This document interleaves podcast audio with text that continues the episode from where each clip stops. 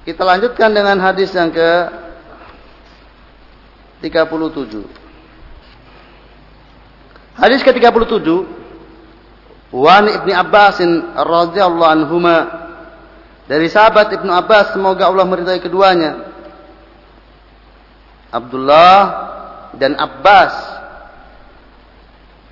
dari Rasulullah an Rasulillah sallallahu alaihi wasallam fi ma yarwi an rabbih tabaraka wa taala dari Rasulullah sallallahu alaihi wasallam di dalam sesuatu yang beliau riwayatkan dari Tuhannya tabaraka wa taala.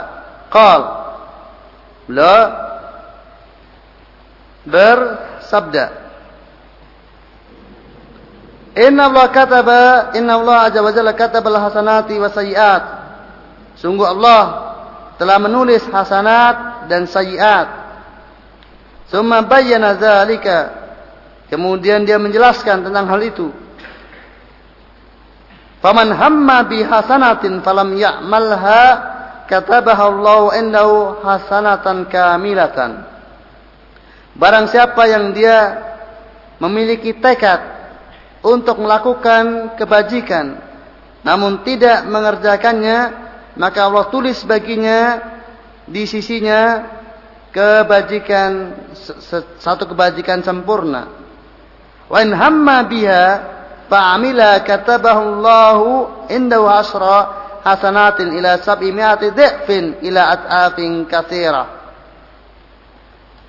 Dan apabila dia bertekad secara kuat untuk melakukan kebajikan kemudian dia melakukannya, maka Allah menulisnya di sisinya 10 kebaikan hingga 700 kali lipat kebaikan bahkan sampai lipat-lipat yang banyak lebih dari 700. Wa in hamma bisayiatin namun jika dia bertekad untuk melaksanakan kejelekan falam ya'malha dan tidak mengerjakannya kata Allah indahu hasanatan kamilatan maka Allah menulisnya untuknya di sisinya satu kebaikan sempurna Wa in hamma biha fa'amilaha katabaha Allah sayatan wahidatan.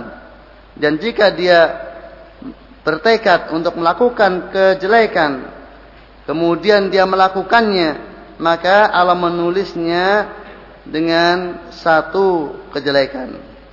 Ral Bukhari wa Muslim bihadil huruf. Hadis tersebut diriwayatkan oleh Imam Bukhari dan Imam, dan Imam Muslim dengan huruf-huruf seperti itu. Ikhwafidin asallallahu yakum. Di dalam hadis ini di antara hadis yang menunjukkan tentang besarnya karunia Allah Taala kepada hambanya ini dan juga luasnya kemaafan Allah Taala kepada hambanya.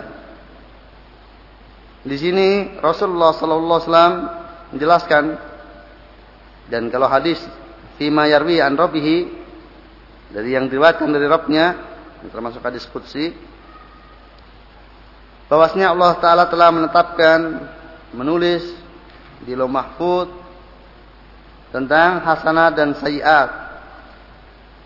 Beliau Allah menulis tentang amalan tersebut dan juga sekaligus pahalanya. Dan yang ditulis oleh Allah taala lah sebagai berikut. Itu apa yang akan didapatkan oleh orang yang memiliki niatan, tekad. Maka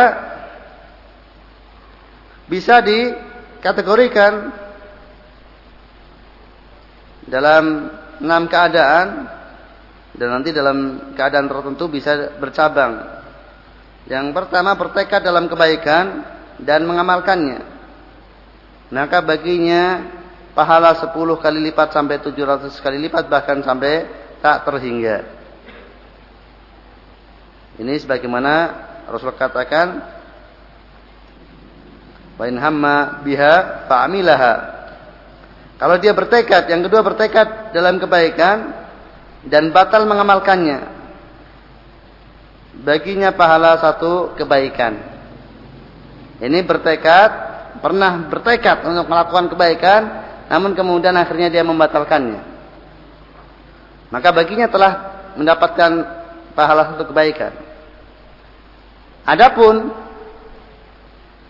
kalau kemudian dia bertekad untuk melaksanakan kebaikan dan dia sudah berusaha, sudah melangkah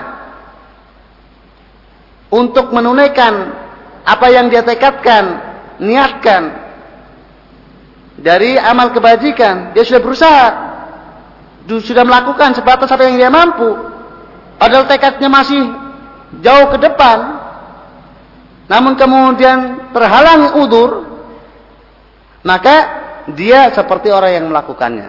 Dia mendapatkan seperti yang pertama. Karena hukumnya seperti bagaimana hukum orang yang mengamalkannya dengan sempurna. Ini dia batalkan. Jadi kalau dia batalkan, maka sudah dapat pahala niat, pahala tekad untuk mengamalkan, kemudian dia batalkan. Karena dia telah berniat untuk berbuat bajik, berbuat baik. Namun kalau kemudian dia apa uh, sudah melangkah, dia tidak membatalkannya sama sekali dia tidak membatalkannya, dan dia pun tidak menginginkan membatalkannya. Dia ingin betul-betul lakukan apa yang dia niatkan tersebut. Namun udur yang menghalanginya, halangan yang menghalanginya, maka dia sebagaimana orang yang beramal. Nah kalau, kalau ini mau dikeluarkan secara sendiri, maka menjadi tujuh ya. Kemudian yang ketiga bertekad dalam kejelekan dan mengamalkannya, maka baginya dosa satu kejelekan. Jelas. Sebagaimana Nabi katakan, "Wa in hamma bi sayatin fa'amilaha."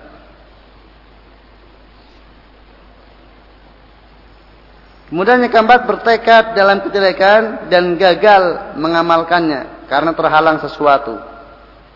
Maka baginya seperti orang yang mengamalkannya kejelekan tersebut. Sama ya. Jadi kalau dia bertekad untuk melakukan kejelekan dan dia sudah berusaha sebatas yang dia mampu, tetapi gagal bukan karena menggagalkan ya, gagal terlaksananya.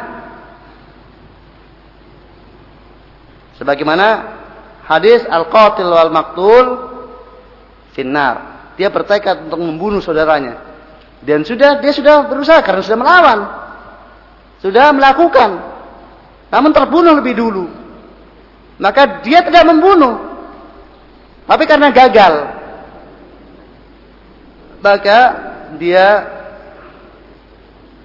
mendapatkan dosa membunuh. Seperti juga hadis yang tentang apa orang yang berangan-angan. Kalau saya punya harta sebagaimana fulan, maka saya akan dan itu betul-betul itu tekadnya. Hanya karena udur saja dia tidak punya, maka dia mendapatkan pahala yang sama. Dan sebaliknya yang berangan-angan, kalau saya seperti fulan, saya akan berbuat kemaksiatan dengan harta tersebut seperti si fulan. Dan dia betul-betul seandainya dia punya betul-betul dia akan kerjakan apa yang dia tekadi tersebut dan dia tidak pernah membatalkannya. Dia tidak pernah melaksanakan seperti sebulan karena memang tidak punya sarana dan prasarana. Maka dia pun mendapatkan dosa sebagaimana si fulan tersebut yang berbuat maksiat dengan sarana dan prasarana yang dia milikinya. Dia tidak tidak berbuat karena tidak memiliki sarana dan prasarananya. Tapi dia punya tekad untuk melakukan demikian Kemudian yang kelima, bertekad dalam kejelekan dan membatalkannya karena Allah. Maka baginya pahala satu kebaikan. Sebagaimana tersebut dalam hadis Nabi tersebut. Kemudian yang keenam, bertekad dalam kejelekan dan batal mengamalkannya karena hilang selera misalnya. Maka baginya tidak pahala dan tidak juga dosa. Atau lupa. Jadi dia berniat ingin mencuri misalnya, tapi kemudian ah malas lah. Maka tidak dapat pahala dan tidak dapat dosa. Kalau bukan karena Allah dia dan dia belum berusaha, dia belum melaksanakan apa yang dia inginkan tersebut. Belum melangkah, belum dia batalkan sendiri ya, dia bukan karena batal, dia batalkan sendiri dan pembatalannya bukan karena Allah SWT. Karena seseorang tidaklah mendapatkan pahala kecuali karena niat baiknya dan dia tidak berniat baik sama sekali. Dari mana dia dapat pahala? Tidak ada niat baik sama sekali pada orang tersebut yang berniat untuk berbuat dosa, berbuat kejelekan, dia batalkan bukan karena Allah, tapi karena apa? sesuatu hal dan dia pun belum melangkah untuk melakukannya, maka dia tidak berdosa karena dia belum berbuat jahat. Dia baru niat. Seperti bahasnya Allah itu mengampuni apa yang menjadi pembicaraan hati malam ya yatahaddas atau malam yakmal atau yatahaddas. Selama dia belum mengamalkan atau belum apa berbicara dengan lesannya. Nah itulah apa? Jadi keenam atau ketujuh. Kalau kemudian yang kedua tadi dirinci, dan itu mungkin lebih baik lagi. Perincian tentang hukum bagi tekad untuk mengamalkan kebajikan atau apa keburukan dari keseluruhan penggabungan hadis-hadis Nabi Shallallahu Alaihi Wasallam dan juga firman Allah Subhanahu Wa Taala. Maka sekedar berniat baik, kalaupun kemudian akhirnya batal, itu sudah dapat pahala. Maka banyaklah berniat untuk berbuat kebajikan. Lebih-lebih kalau kemudian orang bertekad untuk berbuat kebaikan dan dia berusaha apa yang dia mampu untuk kerjakan. Maka hukumnya seperti yang mengerjakan secara utuh. Dan inilah anugerah yang sangat besar dari Allah Subhanahu wa taala kepada siapa yang memilikinya.